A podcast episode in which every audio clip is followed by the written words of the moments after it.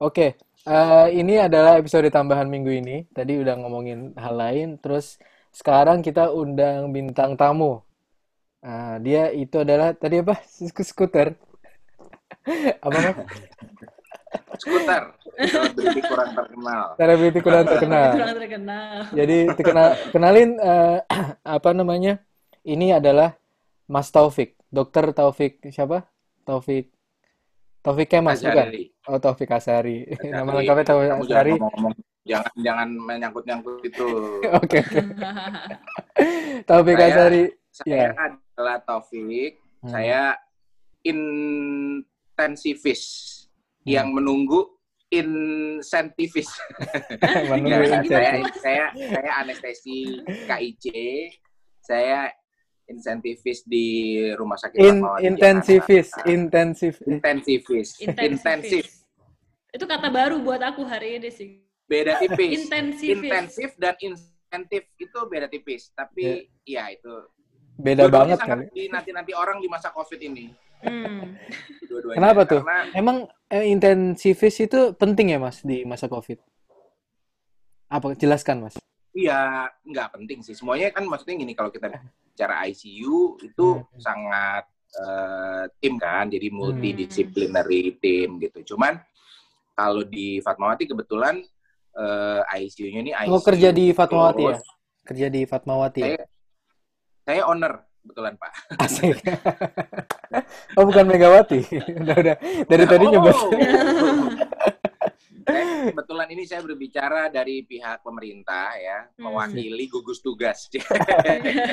tapi bohong gitu. Eh apa tapi Fatmawati ya. Tapi Fatmawati ya bener ya. Eh, Rumah Sakit Fatmawati Iya, Jakarta iya, iya. yang merupakan rumah salah satu rumah sakit Rujukan. rujukan rujukan COVID Rujukan, Iya. ya. di Indonesia. ya, Wah, rujukan COVID yang ditunjuk oleh Kemenkes. Jadi Hmm. kalau di Jakarta tuh ada ada ada rujukan yang dari Kemenkes, ada yang dari Pemprov gitu ya. Nah, hmm. aku juga nggak ngerti sih sebenarnya kenapa dibagi dua itu. Cuman eh Fatmawati ini ditunjuk dari bulan Maret awal Hmm. saat ada kasus COVID pertama Hmm. itu. Jadinya eh udah lumayan banyak juga ya pasien hampir seribu pasien lah ada yang yang dirawat dan Hmm. eh, ada yang positif dan negatif ada yang ada yang hidup dan ada yang meninggal. Hmm. Ada yang sembuh juga gitu kan. Tuh, nah, Ada jadi kalau pulang. kenapa in- in- intensivis ini diperlukan karena ketika kasus-kasus kan kalau di Indonesia itu kan ada ODP, PDP ringan, PDP sedang, PDP berat, dan PDP berat dengan komplikasi. Nah, yang dengan komplikasi itu yang akan masuk masuk ke ICU. Gitu, Hmm. gitu sih. Jadi, Jadi hmm, istilahnya kalau di di klasifikasi dunia itu yang severe ya, yang yang parah-parah ini. Uh, Iya. masuk ke ICU dan dirawat sama uh, tim yang salah satunya adalah Iya. diketuai oleh uh, dokter Saya- anestesi saya- yang yang judulnya intensivis itu, intensive care, Iya. ahli intensive care gitu ya. Ya, ini adalah Yes. dokter Kalau kan Taufik. bukan orang medis nih mas. Hmm. Iya. Kalau aku bukan orang medis, tolong dong dijelasin maksudnya. Kan Mas Taufik dokter ini, dokter anestesi. Anestesi kan Iya. ngebius. Dibius apa? Betul. Emang dibius mas pasiennya? Iya, jadi em, kalau di Indonesia ini kita bicara sedikit lah ya. Eh, Hmm. Kalau di Indonesia itu ICU itu adalah bagian cabang dari ilmu anestesi. Jadi Hmm. salah satu subspesialisasi di anestesi adalah intensive care. Jadi kan memang ada pediatrik anestesi, ada Hmm. neuro anestesi yang ngebiusin pasien-pasien kayak Mas Kamil gitu Hmm. ya, ada kardiak anestesi. Nah, salah satunya adalah eh, intensive care gitu. Nah, saya yang bagian yang subspesialis. eh, Kebetulan pas COVID ini uh, hmm, sebagian besar pasien ICU di Fatmawati adalah pasien COVID kan? Betul nggak? Iya. Sebagian Jadi atau sebagian besar ini- atau apa? Gimana? Iya ya, pembagiannya Nggak, gimana di jadi, Fatmawati? Ah, kalau di Fatmawati ini kita bicara tempat saya kerja ya. Hmm. Karena kita ini masih melayani pasien non COVID juga. Jadi Hmm. ada ada ICU yang COVID, ada ICU yang non COVID. Gitu. Hmm. Nah, untuk ICU-nya COVID dan non COVID itu jumlahnya sama 50 10 10. Kasarannya Oh, gitu lah. 10 bed, 10 bed gitu ya mas? Eh 10 berapa 10 bed? bed? Hmm. Eh berapa bed mas? Boleh tahu nggak? 10. Oh 10. 10, 10. Oh 10. Hmm, hmm. Dikit ya? Kalau yang non covid non covid 10, yang covid 9. Jangan songong loh. Jadi eh, sebenarnya untuk menyediakan bednya saja gampang, Mil. Hmm, hmm. Jadi kebetulan tuh kemarin tuh Fatmawati dapat dapat bantuan dari Kemenkes. Jadi ada ruang rawat intensif COVID. Jadi kita tuh punya 34 bed Hmm. ICU.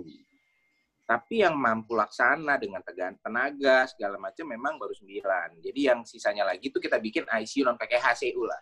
Hmm, ICU iya. non Level ventilator, non intensive ya. care tapi level ini Non aja ya. Iya. Observ- Observasi Nah, ketat yang lah. ada istilahnya. venti- kalau kita bicara ICU ventilatornya, ICU ventilatornya itu ada 9.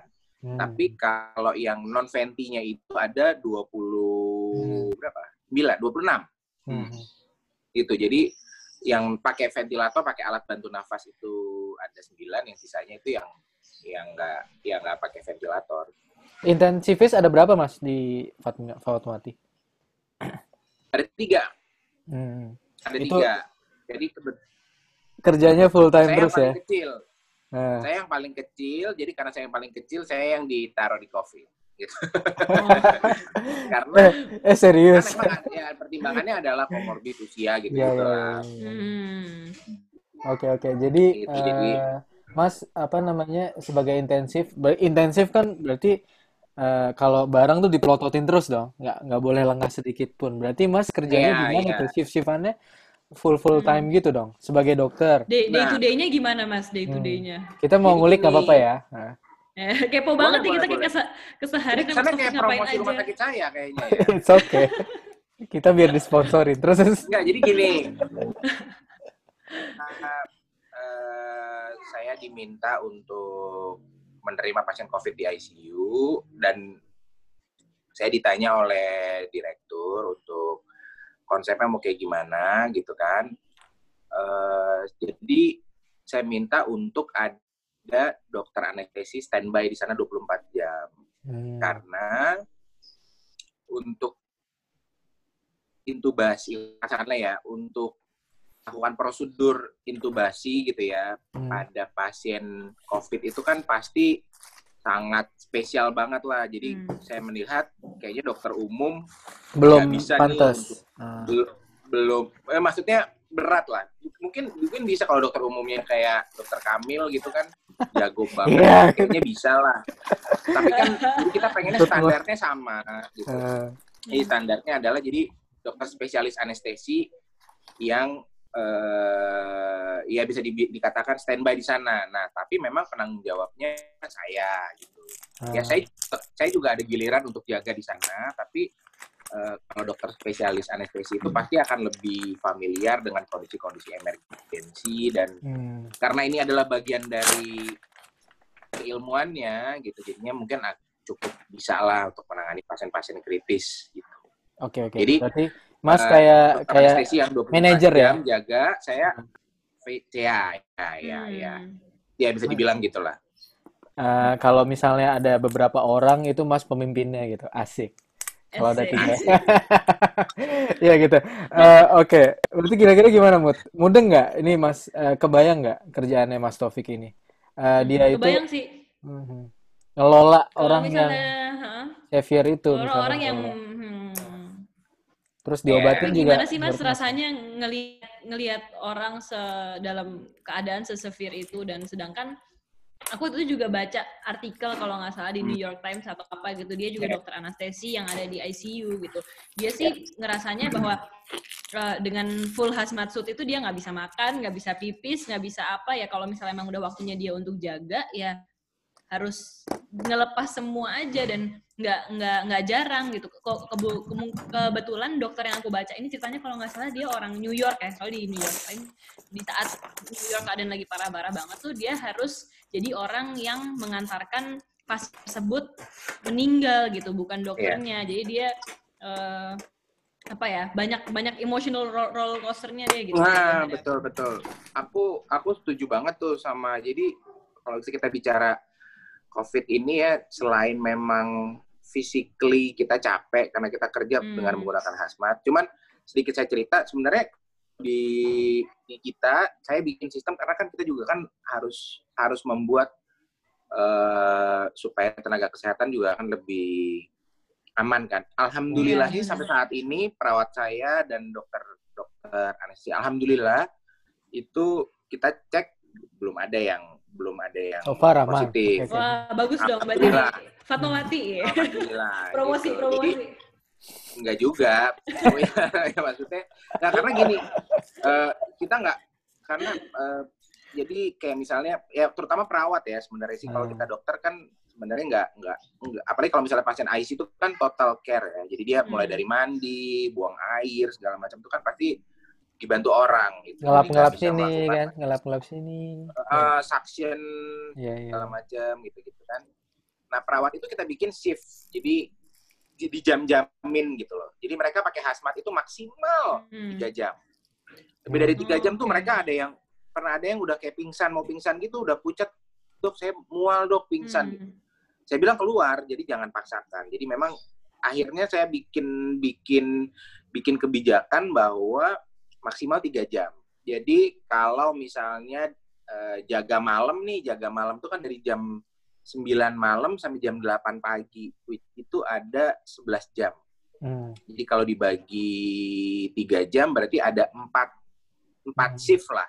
Hmm. Nah sekarang pertanyaannya kalau di tempat saya ada 9 pasien, kira-kira berapa perawat gitu dalam satu shift Yes, kecil, itu yang shift kecil yang, Iya. yang jam itu. Nah jadi kalau misalnya memang kurang lebih satu perawat satu pasien eh, sat- eh, satu perawat megang dua pasien berarti ada empat kan sekitar empat Eh, wait, wait, Mas. satu Mas. kali Mas, Hmm. okupasinya selalu Ya. penuh atau sering kosong atau gimana sampai sekarang? Nah, sekarang ini ini yang lebih parah Mil. Jadi kita buka ICU itu dari bulan Maret kan? Hmm. Maret, April, Mei, Juni mulai nah kebetulan nih kita tuh baru pindah ke ICU baru yang baru selesai dibangun. Jadi hebat juga nih ya Kementerian Kesehatan nih kita harus apresiasi nih. juga. Iya, enggak karena eh, ICU saya yang waktu awal itu ICU darurat Mil. Jadi Hmm. karena saya nggak mau karena kenapa ya setelah saya baca-baca juga kenapa kok banyak tenaga kesehatan yang terinfeksi gitu karena ya sebenarnya mungkin kalau misalnya kita ya. bilang ini settingannya nah Hmm. apresiasi juga nih untuk teman-teman PPI di Rumah Sakit Fatmawati yang sangat concern dengan itu jadi akhirnya yang kita pakai sedarurat-daruratnya bulan April itu kita kan benar-benar kayak ditunjuk kayak gitu loh Hmm. ayo dirujukan kamu gitu ditanya kesiapannya juga ya kita harus harus ya maksudnya Harus harus yes dalam gitu. harus harus harus harus kreatif gitu Hmm. jadi akhirnya yang kita jadikan adalah kamar operasi kita ubah tekanannya yang tadi Hmm. tekanan positif di kamar Di- operasi kita ubah eh, eh, Negatif, yang tadi tekanan positif yang harusnya nyembur itu jadi nyedot gitu Hmm. Jadi eh, kamar operasi disulap jadi ICU yang ICU dengan tekanan negatif. Jadi kita Wow. percaya bahwa APD dan standar PPI ya, jadi standar Hmm. ruangan itu Hmm. sangat berpengaruh. Nah, itu waktu awal-awal itu okupasinya sekitar 60-70 persen lah. Kita Hmm. punya 10 bed waktu itu, 10 bed juga. Jadi ada tiga kamar operasi kita ubah jadi eh, ICU satu kamar operasi itu karena Tiga. oh, kamar operasi itu kan besar ya, Hmm. jadinya agak bisa ada dua atau tiga tiga pasien gitu. Tiga, iya. Itu nggak nggak separah sekarang. Sekarang ini pasien bisa ekstubasi itu udah ada ngantri pasien dari high care dari dari HCU itu untuk masuk gitu. Jadi kalau di- bisa dibilang okupasinya bisa di 100% saat ini ya, bulan Hmm. inilah, bulan Juni, Juli ini tuh kayaknya cocok nih dari hasil DKI yang new case-nya 300 sampai 500 tuh Hmm. sesuai ya. Sesuai sih sesuai. Di sih. lapangan tuh emang gitu Karena- juga gitu ya. Iya. Betul, betul, betul. Benar-benar full, full. Bahkan eh, high care tuh okupasi bisa sampai 80-90%. Jadi dari 26 tuh selalu keisi 20, 18, 22 gitu-gitu. Padahal Yang- Mas punya yang high ya, ya, ya. Mas punya tanggung jawab di 9 bed itu yang yang ngatur itu Mas kan? Mas Taufik kan? Yang Iya, ngatur iya. siapa yang dipilih, siapa yang dipilih untuk Iya, ada nggak Iya. eh, pengalaman Mas harus milih gitu? Ini ini kasar aja ya. ada, ada, Harus milih ada. Jadi yang prognosisnya buruk banget terus ini yang bisa diselamatin. Iya. Terus akhirnya Ya, diakalin gitu. Itu gimana Mas? Per- bisa diceritain nggak? Boleh nggak? ya. Jadi sebenarnya eh, itu pun sebenarnya di, di, di, di, di- secara keilmuan memang diperbolehkan. Jadi Hmm. memang kita ada prioritas prioritas Hmm. ICU, apalagi kalau di rumah sakit pemerintah ya yang memang ini dibiayai oleh negara kan. Hmm. Jadi kita kita bikin eh, prioritas ada prioritas satu sampai prioritas empat. gitu. Jadi Hmm. kita lihat memang, tapi di dunia sampai saat ini belum ada scoring yang established untuk Hmm. untuk melihat apakah pasien ini too bad to benefit atau too good to benefit gitu.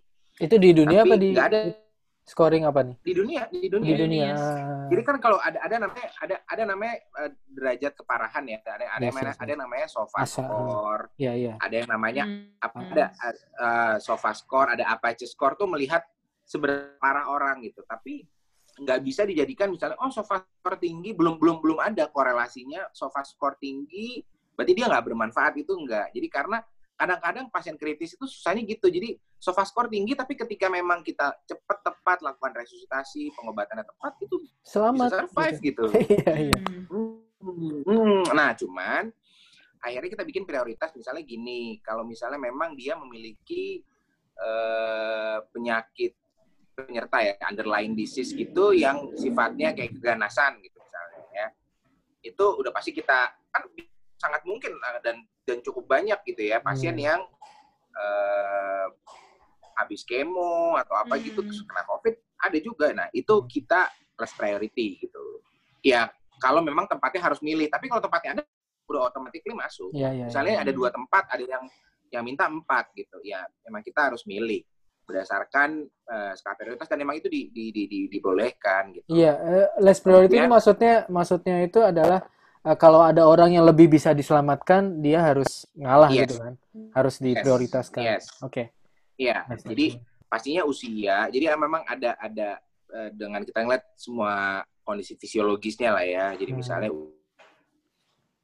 Eh, Nah, suaranya kemudian, eh, ah penyakit penyertanya, Hmm. kemudian usianya, Hmm. eh ya misalnya kalau misalnya ini kita bicara COVID, sebenarnya dia udah seberapa terlambatnya gitu, misalnya sa- oksigenasi gimana gitu ya, apa Hmm. kalau misalnya memang dia udah kesadarannya udah mulai menurun segala macam, berarti kan memang ini udah udah Ini terlambat jelek. banget karena rumah sakit rujukan, berarti memang datangnya itu gak udah terlalu jelek gitu, jadi ya bisa dikatakan to bad to benefit. Tapi kalau memang tempatnya ada, si to bad to benefit ini tetap berhak tetap di masuk ICU. Yes, yes, yes. Paham, Oh paham. harus dong. Iya dong. Iya. Hmm. Udah Terus kayak politisi nggak saya? eh, sedikit sedikit. Muti mau Gitu, nanya apa lagi, Mut? Mem- sangat memilih, sangat memilih. Hmm. Cuman yang yang agak yang kayak pertanyaan Muti tadi yang ada nggak yang baper-baper itu sebenarnya Iya, cerita-cerita ha. di balik itu Ah. sih sebenarnya. Kita kan harus kontak tracing ya. Hmm. Jadi saya sama teman-teman anestesi yang jaga itu mau nggak mau kita tanya sama keluarganya Diulik lah Gitu, gitu jadi- kan. Hmm. Iya, kamu udah di swab belum? Nanti kita memang otomatis kalau dilakukan swab di Fatmawati kita akan lapor ke Dinkes ya. Cuman kan ya ke Dinkes lah ya dia mau tracing apa enggak gitu. Cuman kita berusaha untuk cari ini yang kontak erat siapa. Misalnya kalau dia memang udah punya istri atau suami, udah di swab belum? Ayo dong swab. Bisa di swab di Rumah Sakit Fatmawati atau di puskesmas di Deket tempat situ. tinggal dia gitu. Hmm. Ya, gitu. Jadi kita tracing. Nah, itu cerita-cerita itu ada yang bilang, "Dok, ini tuh saya teman kantornya. Dia tinggal di sini sendirian, keluarganya di luar Jawa. Datang Hmm. ke rumah sakit itu naik motor, minjem motor bosnya. Waduh, itu sedih banget. Saya bilang, "Ya Allah." Yang kayak gitu-gitu. Terus Hmm. Iya, satu iya. keluarga, ada yang satu keluarga istrinya dirawat juga dok di bawah di di ruang rawat yang bukan ICU gitu di, di, Hmm. di perawatan biasa. Oh gitu. Ya yang kayak gitu gitulah. Terus gimana ya? Eh, kasih tahu nggak ya istrinya dok ya gitu-gitu. Terus ada yang yang istrinya juga nanya-nanyain suami saya gimana padahal suami udah nggak ada gitu ya kayak gitu gitulah jadinya eh yang breaking bad news tuh kayak tiap hari ya dan it, it's very, itu sangat melelahkan dan apa ya membuat Kalau- energi itu jadi kayak Iya sih. Kayak toxic nggak enak banget loh gitu. nggak enak banget Mil itu maksudnya eh, ini kondisinya jelek, ini harus dilakukan Hmm. cuci darah. Dan saya saya saya bilang bahwa sampai saat ini di Rumah Sakit Fatmawati yang pasien dengan gagal ginjal ditambah dengan COVID itu belum ada yang survive. Sampai saat ini, sampai saat ini loh. Hmm. Belum ada yang Pas- survive. Tapi Pasti di jelek. dunia, di dunia 60% mortalitasnya. Apa? 60% tinggi banget dong. Iya. Terus Iya. eh, apa namanya? Eh eh, jadi lupa. Jadi kematian itu gimana, Mas? Eh, istilahnya di tempatmu itu adalah yang severe itu sebagian selamat atau sebagian seberapa bagian? Ini dari pengalaman Mas so far berapa bulan ini? Kira-kira Oke. gimana, Mas? Jadi sekarang-sekarang ini kita udah mulai. Jadi gini, Rumah Sakit Fatmawati itu saya sih merasa cukup bersyukur ya karena Hmm. kita memiliki modalitas yang cukup banyak untuk menangani pasien COVID Hmm. gitu ya. Jadi dimulai dari sebenarnya prinsipnya kan adalah antiviral dan tata laksana untuk eh, cytokine storm-nya Yes, gitu yes, yes. kan. Yang mana cytokine storm-nya itu akan menyebabkan gagal organ. Hmm. Nah, untuk antiviralnya sendiri, kita udah ikut beberapa penelitian. Solidarity itu kita ikut. Hmm. Sama, jadi kita ada ada remdesivir, ada Avigan, Hmm. eh, Favipiravir ya. Jadi, eh, ada pilihan lah untuk untuk eh, antiviral. Kemudian, untuk cytokine storm-nya sendiri, kita ada tocilizumab dan De- ada Dexa gimana Dexa? Dexa kita pakai juga kan yang Hmm. ya, recovery tadi yang UK itu kan dibilang dia itu cukup oke dan memang Dexa itu kan lebih minimal dari efek samping dari steroidnya lah gitu ya. Hmm. Iya, kalau aku sih pikir sebenarnya gini, apa ya lagi-lagi ya lucunya gini. Jadi di penelitian-penelitian itu kan ada ada arm-arm yang yang Kontrolnya ada ada yang Ah, dikasih ini sama iya, ABC, ada yang dapat ada yang. AB, Ada yang AB kan. doang, Ada yang kelompok-kelompok gitu kan. Ya, Nah. jadi sebenarnya mungkin ini Di mungkin bisa jelas- jelasin secara genetik ya. Ada pasien yang dapat antiviral yang bagus gitu, malah nggak survive. Tapi yang dia dapat Hmm. dapat kontrol yang cuma dapat vitamin C gitu, Mm-mm. malah hidup gitu. Ya itu itu itu ya memang harus di, Iya. harus di ini lagi. Cuman Ma- memang Hmm. ada ada yang kayak gitu. Masih ada faktor X-nya faktor ya, yang X, nggak ya. Faktor nggak- X-nya banyak nggak banget. clear cut gitu. Faktor X-nya banyak banget. Dan aku sih sangat aku sangat percaya bahwa genetik polymorphism pada pasien Hmm.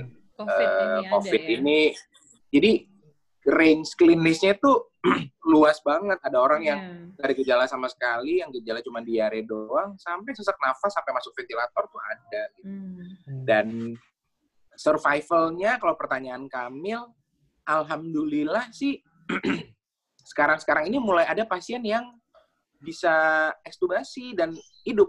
Waktu awal-awal saya Hmm. mungkin masih baru kaget ya. Jadi awal-awal itu, aduh kecil banget lah. Mungkin mortalitasnya In, diintubasi pasti pasti jelek gitu kali ya. Diintubasi Hmm, pasti pasti jelek. mati. Kalau udah Pasti diintubasi. mati. awal-awal ya. Hmm. Awal-awal di bulan-bulan April Mei lah. April Hmm. Mei itu wah saya sampai depresi sih sebenarnya. Bener-bener yang satu hari itu bisa meninggal tujuh orang gitu Hmm. di ICU saya. Hmm. Dalam waktu 24 jam tuh sampai ya Allah. Ya Iya. maksudnya saya dila- dilaporin perawat tuh ini perburukan gini gini gini gini gini gini gini gini gini gitu. Dan Meninggal, Mas- meninggal, Mas meninggal. pasti yang ngasih tahu keluarga Sekarang kan udah- tergantung tergantung eh, kondisi ya, tergantung. Misalnya kalau Mas di situ kan pasti ngasih tahu keluarga juga kan. Itu bapernya Iya. Hmm. bapernya ya Allah. Iya. Yang bikin baper adalah gini, mereka cuma bisa ngelihat lewat CCTV. Kebetulan di tempat kita ada Hmm. CCTV. Hmm. Jadi kita zoom in mukanya pasien, terus dia nangis-nangis meratapi TV itu. Jadi Oke. TV itu di luar gitu ya Mas, di luar ruangan. di luar di luar dinner station, Oh, Oke. di pasien itu kita pakein masker, ya Hmm. segala macam ya. Dia masuk terus kita zoom mukanya eh, almarhum jenazah itu gitu. Terus dia "Oh, boleh foto nggak dok? Boleh foto? Ya ya ya ya ya. Gitu-gitu. Jadi apa ya? eh, itu yang bikin terus ya udahlah itu pasti kan sedih banget. Aku kan. merinding lah. Iya.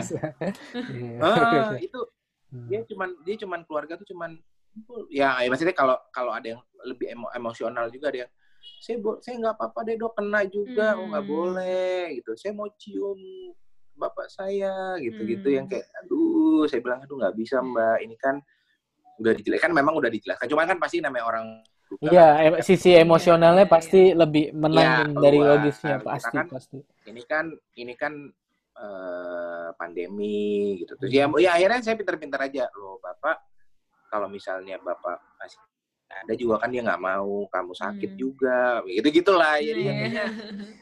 Aduh men dan itu tiap hari itu kan capek ya Iya. maksudnya eh sangat menguras perasaan banget gitu ngalah-ngalahin drama Korea lah gua Iya, ini aku perhatiin ya Mas Taufik, mukamu eh, sebelum pandemi sama sekarang beda loh. Sekarang lebih kayak tua gitu. lebih apa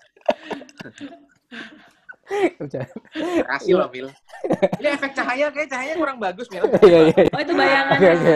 Ya, ya, ya, ya. ya gitu jadi ya itu sih yang Mhm. tuh yang misalnya ya dia bilang ini suaminya juga baru meninggal dok seminggu yang Hmm. lalu itu banyak banget banyak bingit Hmm. ini Hmm. eh, terus jadi gimana gitu gitulah Aku Iya. kebayang sih harus ada di posisi Mas Taufik gitu. Iya, iya. Capek, Berat capek. Iya, Capek, jadi- iya. sekarang sebenarnya sih saya cukup senang ya dengan tempat tempat-tempat liburan udah mulai dibuka cari bercanda bercanda jadi Bisa getaway lah ya. Eh, Terus kalau Mas sendiri, iya. eh, Mas sendiri getaway-nya gimana Mas? Kan Mas eh, pasti Hmm. nggak ada libur lah empat bulan ini. Iya. Masa Mas mau cuti ya, seminggu? Nggak nggak bisa lah nggak Nggak mungkin. mungkin, nggak Iya, mungkin. iya. nggak Itu get-. Getaway-nya gimana untuk kontrol Mas Get- sendiri gitu? Kontrol mentalmu Kalau saya- lah. kalau saya sih pasti punya support system yang alhamdulillah cukup bagus ya. Jadi teman-teman di lingkungan kerja saya tuh sangat kondusif. Jadi teman-teman teman kerja tuh benar-benar kooperatif, nyenengin. Hmm. Ya paling kita ya ngobrol-ngobrol sama mereka. Dan ketika saya pulang, alhamdulillahnya Anak Ada, lucu ya. anak sama istri. Nah, Hmm. itu yang bikin jadi waduh gitu. Jadi apa ya? Bersyukur sih ya. Maksudnya jadi duh alhamdulillah ya kita masih sehat, masih bisa kumpul. Iya. Ini tuh udah more than everything lah gitu. Dibandingkan ya lebih akhirnya jadi membuat saya lebih parno gitu. Jadi potong rambut aja nggak berani gitu kan. Eh, karena saya ngelihat sendiri nih efeknya gila nih orang. Jadi rasanya sebenarnya kalau kita eh, saya lagi nyetir mobil ada orang tuh lagi nongkrong nongkrong nggak pakai masker terus saya pengen tak samperin Lo- Gapok lo gitu kan. Sakit lo jangan lu ke Fatmawati lo gue biarin ya ya tapi nggak boleh kayak gitu Iya, iya. Nggak boleh itu dalam Cuman- hati aja ya ada, Mas, ada, ya, dalam rasa- hati. ada rasanya lu tahu gak sih ini tuh ini serius loh gitu maksudnya Ah, ada ada ada rasa pengen ngomong kayak gitu gila loh ini gue udah sampai aduh ya ini emang resiko pekerjaan saya betul cuman maksudnya ya memang awarenessnya menurut saya sih nggak tahu ya eh, rasanya masih ada juga rasanya pengen saya ngomongin kayak gitu gitu kalau Hmm. ada orang yang kayak nyepelein banget nih ini Hmm. penyakit karena aduh percaya deh ini tuh dan dan kebetulan eh, teman saya yang anestesi itu suaminya pernah ada yang positif tapi alhamdulillah hidup ah. percaya apa enggak dia sampai berobat ke psikiater loh. Hmm.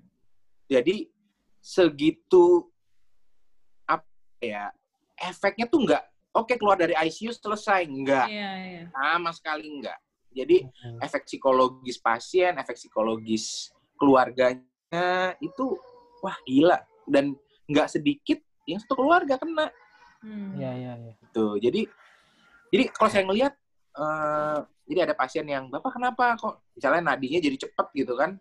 Kenapa? Saya takut dok. Bapak nggak apa-apa. Gitu. Kenapa? Hmm. iya dok.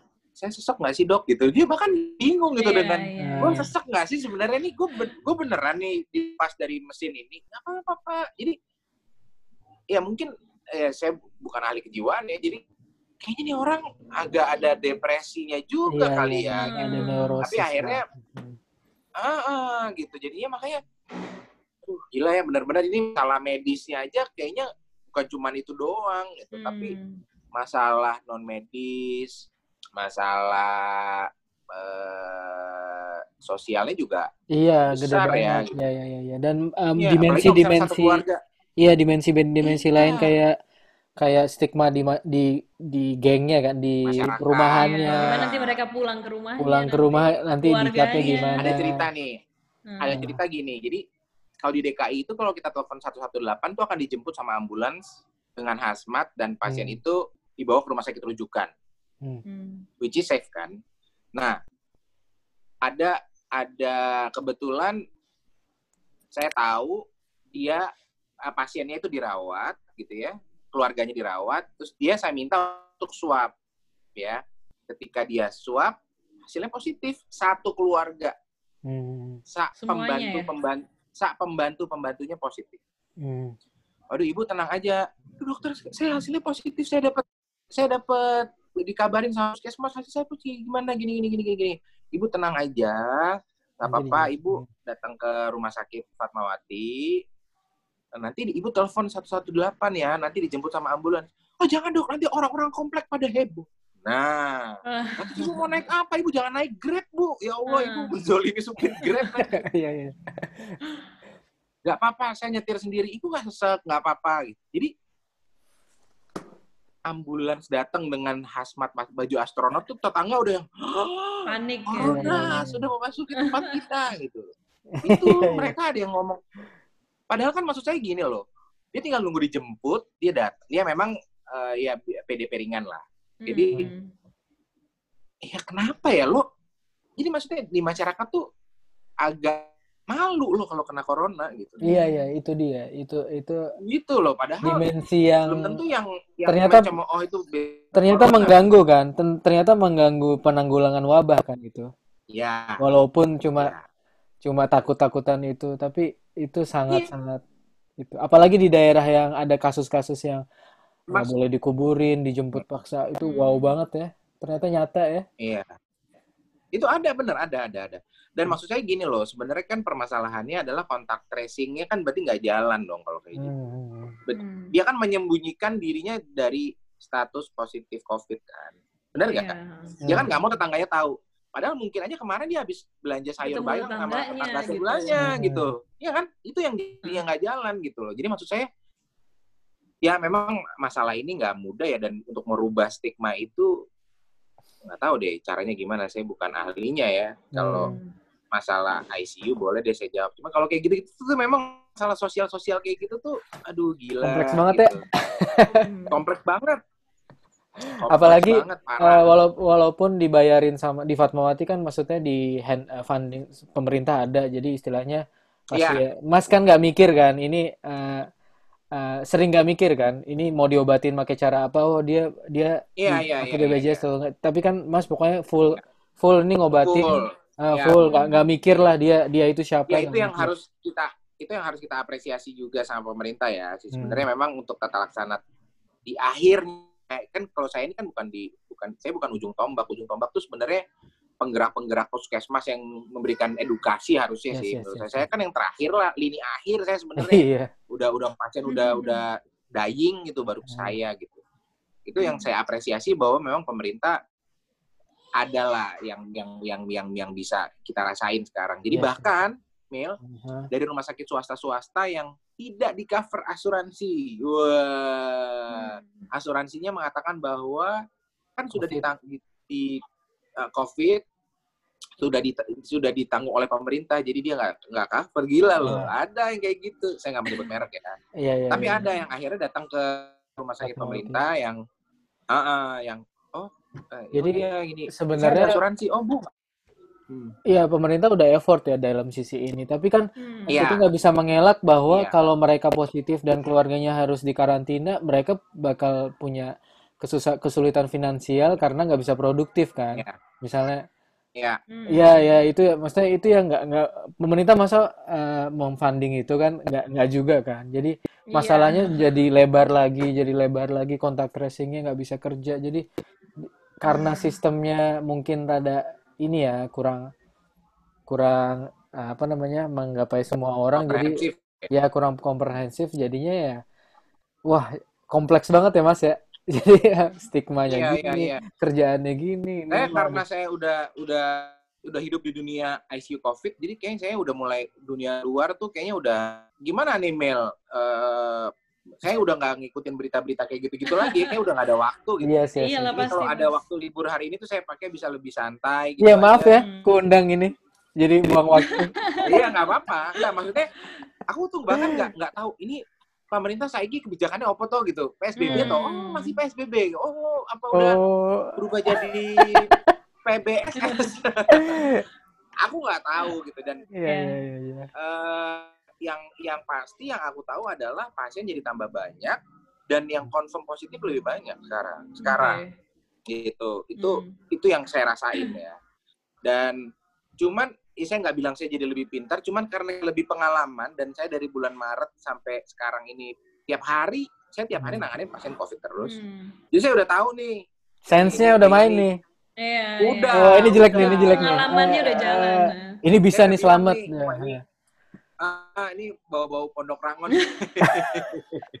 Karena kan, wah ini kayak bawa-bawa pondok rangon nih. Ah. Udah, panggil keluarganya, panggil keluarganya deh gitu. Ah. Udah Ah. tahu nih, ini ini edukasi nih kayak udah nggak bisa nih gitu. Ah, Ini masih bisa nih, ini harus fight nih. Kalau saya orangnya kan agak ngotot ya. Jadi, Hmm. "Nah, ayo, ayo kita arti masukin akte apa tocilizumab masukin ini ini Hmm. ini ini ini apa Hmm. gitu gitulah jadi pun misalnya dia meninggal pun saya udah ngerasa saya udah udah optimal lah udah optimal. bahkan sampai sekarang ini kan eh, kita kan kalau misalnya oksigenasi nggak bagus kita udah tengkurepin Iya, 16 sih. jam loh ditengkurepin Iya, iya. ditengkurepin terus telentangin 8 jam tengkurepin Hmm. lagi udah kayak martabak Mesir gitu jadinya ya dengan kayak gitu masih meninggal juga kan udah bukan salah gua ya Iya, istilahnya udah optimal kan, udah di venti, Iya. udah Udah, ditengkurepin, itu kan udah sangat terbukti efektif. kita udah- Hmm. Iya, udah cuci darah dengan dengan dengan mesin yang lebih canggih lah gitu ya, bukan cuci, darah Berat biasa. sih jadi Mas Taufik memang Stresornya tuh mood ya. Kalau kerja di ICU, stresornya tuh gini banget mood. Aku tuh aku Kalau saya Iya, soalnya Kalau saya saya rasain ya sekarang ini kan, eh, saya kan juga masih praktek anestesi juga kan, Yes, bius yes. juga. Hmm. Kalau ngebius itu adrenalinnya tuh naik, terus ketika misalnya pasien udah selesai gitu ya, kayak Hmm. misalnya kalau Nah. operasi bedah saraf sama dokter Kamil ini asik. saat dia lagi mau perdarahan tuh naik tuh adrenalin set Nah. gitu tapi Langsung kalau tek tek tek gitu ya. beda. Nah. nah set turun kalau IC tuh enggak dia naik terus set konstan set gitu jadinya ini ya bener Di- mungkin di- gue jadi lebih tua ya Mil ya? Di ekstubasi pun kan kayak eh, bener kan di ekstubasi kan kadang-kadang observasi dulu kan. dan Kalau rada nggak Dan bener ada- intubasi lagi gitu kan.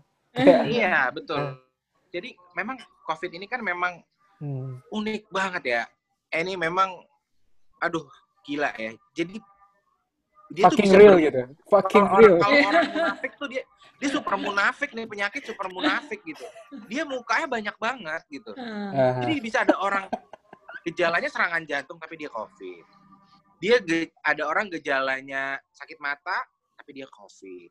Hmm. gila kan? Iya, ajaib Jadi- banget nih virus ya, gila. parah parah. Jadi pasien ada yang udah ekstubasi. Ekstubasi? Hmm. meninggalnya serangan jantung bos. Setelahnya gitu ya, Mas. Ah, dia Mas kayak nggak percaya kan, Dok, ini dok ini nih, lah, lah, lah. Kan udah. dok tiba-tiba tadi pasiennya tuh BAB terus ngeden aduh goyang aduh tapi koreksi juga berarti saya harus kasih pencahar ibaratnya. Ah, aduh udah ekstubasi udah ibaratnya saya udah yes survive Udah lega, udah yes, lega. berhasil Iya, gitu. iya, iya. ternyata ada salah gitu Anjis. itu sih jadi jadi ya cuman kalau buat saya sih jadi memang ya enjoy aja ya maksudnya bersyukur dan saya merasa bersyukur saya bisa bermanfaat untuk orang sih jadi Hmm. Ya udah itu aja jadi jadi happy aja setiap hari walaupun stres ya jadi cuman Iya, yang pasti. oh, ini- eh Tapi jadi dikelola gini, lah, stresnya dikelola. Ya, Hmm. ya. dikelola dikelola dikelola jadi non di sekarang tuh memang sekarang dengan apa resource yang ada kayak nonton Netflix sambil makan martabak itu kayaknya udah wah happy banget gitu jadi sekarang kalau saya lihat monitor pasien ah udah 90 sekarang saturasinya alhamdulillah. Itu udah kayak waduh yang tadinya misalnya cuma 70 gitu ya Hmm. terus 90 nih alhamdulillah. Itu aduh udah kayak apa aja gitu. Jadi ya udahlah. Apa ya? Iya, iya. lah, stres Ah, Iya, sampai iya, teman iya. saya ada yang nawarin lu mau ikutan pelatihan manajemen stres kayaknya maksudnya bahkan bahkan material things aja tuh nggak membantu loh. Jadi eh, insentif dari pemerintah udah udah turun kan alhamdulillah gitu kan. Tapi itu kayaknya bukannya saya materi wah kurang kali pak pak presiden gitu. Enggak cuman ini memang kebahagiaan itu memang bukan dari dari duit yang Dari dikasih. ya. Heeh, jadi kan kebetulan kan jadi kan bulan Maret April Mei itu kan keluar di Mei kan. Hmm, jadi lumayan gelondongan tuh jebret dapat Hmm. duit gitu. Hmm. tapi kayak nggak bahagia tuh gue ya lumayan lah duitnya lumayan harus diakuin lah saya saya nggak menyebut jumlah cuman lumayan lah gitu kan tapi kok I'm not happy gitu ya maksudnya ya bukan itu cuman ya maksudnya karena kita masih masih beradaptasi Masih gitu ya, di masih dalam wabahnya juga kan, masih ongoing, Iya, masih itu ongoing. sendiri yang sebenarnya dia ternyata memang obatnya adalah bukan dikasih insentif ya, tapi obatnya Selesai. dong kapan nih ini kapan selesai? ya, Iya, iya, selesai. iya. kita Iya. bisa kita bisa hidup normal lagi, kita bisa ya itu sih ya memang itu Hmm. tantangan dan memang itu nggak mudah ya. Cuman ya buat saya tuh ya saya buat saya hiburan saya adalah pasien saya membaik lah. Iya. Iya, Dokter iya. mana ada sih yang mau yang ngelihat pasiennya nggak sembuh gitu di tangannya dia gitu. Tapi itu, Itu- yang semua dokter kan pengen Iya. pasiennya sembuh Iyalah. pulang balik Iya. ke keluarganya lagi gitu. Saya sampai gini loh, Muti di bulan Mei awal itu Hmm. pasien saya 7 meninggal dalam 24 jam. Itu saya sholat, saya nangis. Saya bilang, ya Allah, mudah-mudahan kalau pasien ini meninggal kan, eh ya maksudnya ini agak gue berkaca-kaca nih ya. Nih. Ini kan janjinya adalah ini masuk surga ya Allah ya gitu. Tapi Hmm. ini bukan karena kebodohan saya kan gitu. Gue tuh Hmm. ngerasa bahwa mudah-mudahan bukan karena kan memang ini masih belum jelas gitu Hmm. obatnya belum ada gitu kan. Jadi penelitian RCT masih jalan ya buktinya Fatmawati lagi ikut penelitian Iya. itu kan. Hmm. jadi kan memang mudah-mudahan bukan gue yang menyebabkan pasien Iya, ini iya. jadi lebih cepat dia dia meninggal. Itu itu sedih banget tuh. Itu itu kayaknya gue sampai sampai istriku tuh ya udah yuk kita kita kita jalan-jalan mau jalan-jalan ke mana? Ya udah akhirnya jalan keliling Jakarta naik mobil nggak turun. Ke Pantai Indah Kapuk. oh, kita ke bandara yuk bandara ke bandara berhenti enggak cuma lewat doang oh iya iya Oh pesawat yang pada parkir iya gitu. udah kayak ya udah hiburnya kayak gitu-gitu aja Hmm. jadi kayak jalan-jalan keluar rumah jadi anakku juga kan masih umur 20 bulan kan ngeri juga kan Hmm. Hmm. tapi pas pertama kali mall dibuka saya jalan-jalan ke mall saya akuin Hmm. karena emang udah ya Jakarta mau jalan-jalan ke mana lagi gitu kan Iya, iya, iya. ya udahlah sekali doang waktu itu iya sekali. Yaudah kita ajakin eh, Tara jalan-jalan lah gitu. Ya udah sekali itu doang sih. Tapi habis itu naik lagi. Aduh Iya. jangan lagi deh.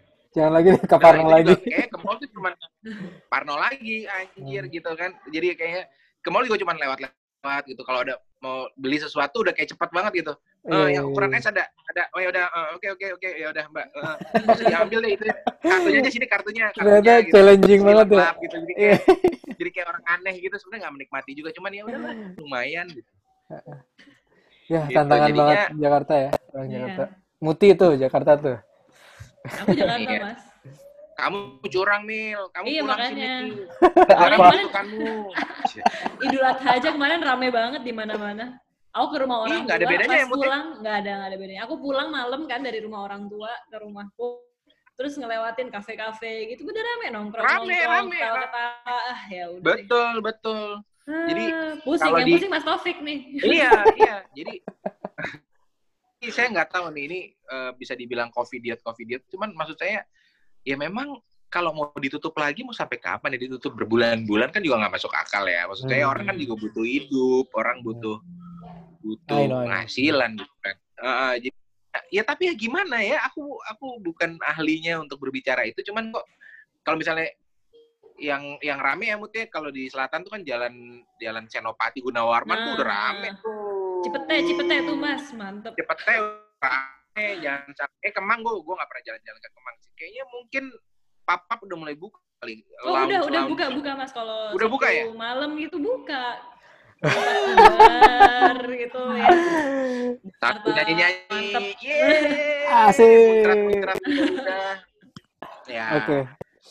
Oke. Ya itu ya Hmm. no wonder kali ya. Maksudnya kalau Hmm. kasusnya meningkat ya semua kan pasti ada sebab akibat ya. Iya. Ya meningkat ya orang dibuka gitu loh. Cuman maksud aku tuh eh, what next? What next-nya itu kan yang harus di di Hmm. di dijawab lah.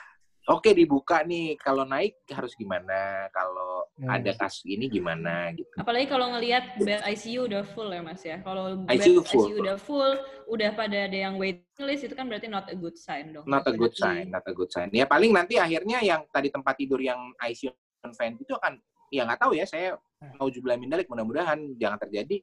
Yang non venti itu akan ditaruh venti. Hmm.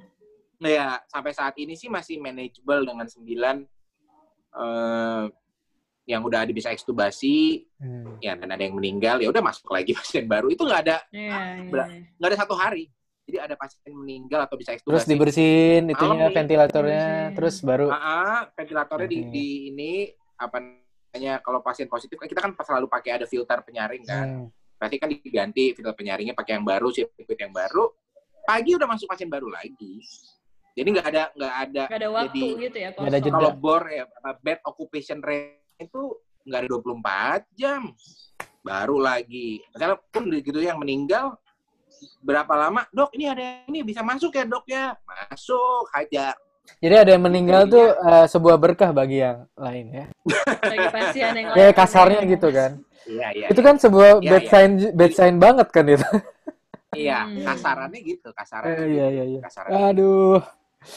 Itu ah oke oke. aduh Kira-kira ngomongin gitulah. covid ini nggak habis-habis Mil Iya, iya. Iya, kalau harus kita mulai dibatasin. dari cerita yang melo-melo sampai yang lucu-lucu gitu Eh. ada yang bilang Ada ada. bapak eh, ini sakitnya koroner gitu kan apa corona bukan pak Koroner. alhamdulillah jadi sekarang jangan ke koroner itu anda Alhamdulillah ya. populer populer Kalah sama Jangan corona. ada harga diri dan tuh koroner lewat lo sama corona Padahal pembunuh nomor satu dunia koroner ya. Ya udah.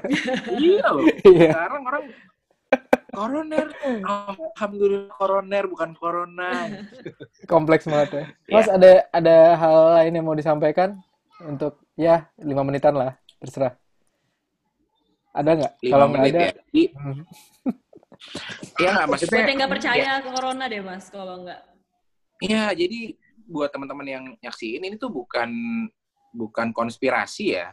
Jadi ya gue sih orangnya nggak terlalu tersinggungan ya karena saya merasa eh, saya akan dibayar dengan dengan cara apa pun lah gitu ya. Jadi hmm. saya nggak butuh anda bilang saya pahlawan apa pun itu receh lah buat saya gitu ya. Cuman Asik. ketika anda bilang bilang ini adalah sebuah permainan, ya kayaknya nggak mungkin ya orang bermain-main dengan nyawa. Hmm. Karena orang people die, people die, benar-benar gitu. Jadi Itu kenyataannya ya. itu kenyataan dan dan dan suffering loh. Ya saya kayaknya mungkin beruntung eh, inner circle Anda nggak ada yang mengalami pengalaman seperti ini. Tapi bukan berarti jangan sampai Anda mengalami sendiri ya, apa mungkin keluarga dekat gitu yang harus dirawat di ICU di mana kita minta harus ada satu keluarga yang nungguin karena sewaktu-waktu aja bisa aja meninggal gitu-gitu kan. Jangan sampai itu terjadi gitu. Jadi sebenarnya eh, ikuti arahan dan dan aturan pemerintah yang yang saat ini sudah ada yang disuruh pakai masker ya pakai masker jangan bilang ini disuruh jaga jarak ya jaga jarak gitu kalau misalnya disuruh meeting nggak pakai zoom jangan mau karena kebetulan ada Hmm. juga pasien saya yang kena habis meeting gitu jadi eh, sadarkanlah orang-orang di sekitarmu bahwa ini nyata gitu. Jadi memang harus harus bisa segera adaptasi lingkungan kerja, lingkungan kayak kita sekarang kan sebenarnya lebih enak kalau kita ketemu langsung. Tapi kan Hmm. dalam kondisi kayak gini kan kita nggak bisa gitu. Yes, yes, yes. Untuk un- dan kita ternyata efektif-efektif aja kok ini Iya. komunikasi kayak gini gitu. Jadi maksud saya ayolah gitu. Memang ekonomi harus harus eh, jalan gitu ya. Tapi kita juga harus harus tetap memperhatikan ya protokol kesehatan yang bahasa pemerintah protokol Hmm. kesehatan cuman sebenarnya kayaknya mungkin harusnya usul saya sih mungkin harus lebih di breakdown lebih detail lagi protokol Hmm. kesehatan seperti apa sih yang harus dilakukan Yes, gitu yes, misalnya 100 exactly. Nggak cuma jargon-jargon apa gitu kan? Ya oke oke. Terus, Iya, misalnya sudahkah Anda suap selama ini gitu misalnya. Dan tapi konsekuensinya kalau memang dibikin jargon gitu pemerintah harus menyediakan suap gratis yang yang yang approachable cepat lah, hasilnya. yang bisa dan Ya. ya Iya, delay. cepat. Karena kan sekarang kan orang-orang pada marah karena saat kayak jualan nih, rumah sakit Hmm. mengambil untung. Ya bukan mengambil untung, Bro. Dia kan juga kan regimen tuh kan bayar. Apalagi kalau kalau kalau kamu periksa di rumah sakit pemerintah eh rumah sakit swasta. Hmm. Kalau di Fatmawati gratis nih. Alhamdulillah. Kan udah ada di supportnya. Iya. Iya. Nah, tapi kalau di rumah sakit swasta kan ya pasti dia harus bayar orang ya. Wajar lah dia Iya. ngecas duit gitu loh maksud saya. Iya. Nah, cuman maksudnya ya itu tadi ya protokol kesehatannya sih kalau buat saya sih mungkin eh, para pimpinan gugus tugas bisa lebih membreakdown gitu. Misalnya di, di kantor tuh gimana sih? Orang tuh Hmm. harus gimana? Kalau mau makan ke restoran boleh tapi yang ini harus gimana ini harus gimana dan harus dipatuhi gitu. Kalau perlu masing-masing restorannya dipasang CCTV yang dipantau langsung oleh gugus tugas sehingga kalau dia melanggar akan ditutup restorannya. Pasti kan Hmm. orang akan akan akan ya wajar lah mbak mbak. Waitersnya kan Iya. butuh butuh butuh pekerjaan kan. Iyalah Iya. nggak mungkin itu tutup terus terusan ini kan gila juga loh. Emangnya ini orang nggak makan gitu kan. Eh tapi bener-bener strict banget dan dan dan eh, ahli-ahli kesehatan masyarakat misalnya sudahkah anda swab hari ini gitu. Apa swab sudah anda swab bulan ini gitu. Aku nggak ngerti ya itu ide-ideku aja. Jadi mungkin dibikin aturan orang sebulan sekali harus swab gitu mungkin Ya ya kamu ini, nggak ini tahu salah satu contohnya ya ya ya. salah Pokoknya, satu contohnya Ah, sehingga biar nyampe ya, biar nyampe ke ini Biar tuh secara nyampe, teknis dan- gitu, dan- bukan bukan Iya. cuma itu protokol teknis banget protokol teknis gitu. banget Hmm. Iya, kalau misalnya kita bilang jalankan protokol kesehatan, apa sih lu protokol? Kayak gue baru dengar kata-kata protokol sekarang gitu. Iya, maksudnya emang yang itu kan emang mencuci tangan, pakai masker, jaga jarak. Oke, cuman detailnya tuh kan harus ada gitu Iya. loh. Yes, yes, yes, yes. Iya kan? Apakah cuci tangan itu habis ngapain gitu misalnya? Oke, jaga jarak, jaga jarak itu gimana sih sebenarnya gitu? Gitu loh, kayak kan jadi Ah, ya detail-detailnya mungkin ya menurut aku emang harus dibikin SOP SOP yang lebih akhirnya yang masuk akal tentunya dan dan dan, dan bisa dilakuin Bisa jalan. gitu, bisa jalan. Iya gitu buat aku sih gitu sih jadi ya memang semua negara kan ketika dia habis dibuka lockdown dia pasti akan naik kan angkanya iyalah ibaratnya dibuka gitu kan kerannya Hmm. pasti naik cuman what next what nextnya itu sebenarnya harus harus disiapin cuman kalau saya sih eh, di rumah sakit saya sih kita udah udah ada eskalasi tempat tidur ya untuk untuk pasien covid udah dan ya kepake sih ya memang mungkin udah disiapin untuk itu kalinya jadi kebetulan katanya sih saya dapat info lagi mau ditambah lagi nih ya saya nggak tahu nih untuk saya nggak saya nggak tahu ya ini udah wave keberapa sih sekarang udah covid 19 apa udah jadi 21 sekarang saya nggak tahu nih Kalau di Indonesia masih yang sama-sama aja mas kayaknya. Kan gini masih terus. Masih masih sama. first wave Masih naik terus, Masih- masih naik terus.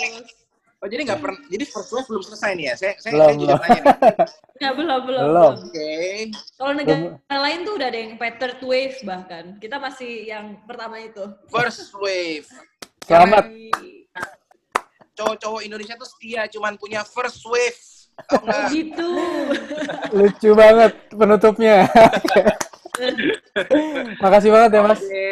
Mas Taufik, makasih Terima banget. kasih banyak Mas Taufik. sehat-sehat Hmm. semuanya yang nonton juga Yes. To- tolong benar-benar eh, patuhi bukan berarti lo jadi parno nggak ke mana-mana boleh lo keluar rumah tapi benar-benar jaga jangan Hmm. jangan aneh-aneh lah boleh keluar rumah boleh saya sih mungkin saya nggak tahu ya kali ya sekarang ini mungkin udah saatnya keluar rumah tapi lo pakai masker Hmm. kalau perlu pakai face shield cantik itu boleh nggak apa-apa. Cuci tangan lo bawa hand sanitizer ke mana-mana boleh. Pulang langsung mandi baru melakukan aktivitas lain di rumah gitu kali ya. Hmm. dan kayaknya sih kalau bisa yang saya udah udah lama nggak pelukan sama ibu saya dari bulan Maret. Nggak pelukan gue Ya. cium, tang- cium tangan pelukan udah nggak gue karena ibu saya umurnya udah 66 bapak Hmm. saya udah 70 tahun. Jadi kalau ketemu tuh cuma dari teras. Kalau Iya. Karena saya udah disuap tuh udah berapa kali disuap alhamdulillah negatif jadinya tapi kan nggak tahu kan selesai keluar itu Nggak tahu kan, Nggak tahu udah saya- kenal. Iya, ada, Ah. ada ada gap waktunya juga.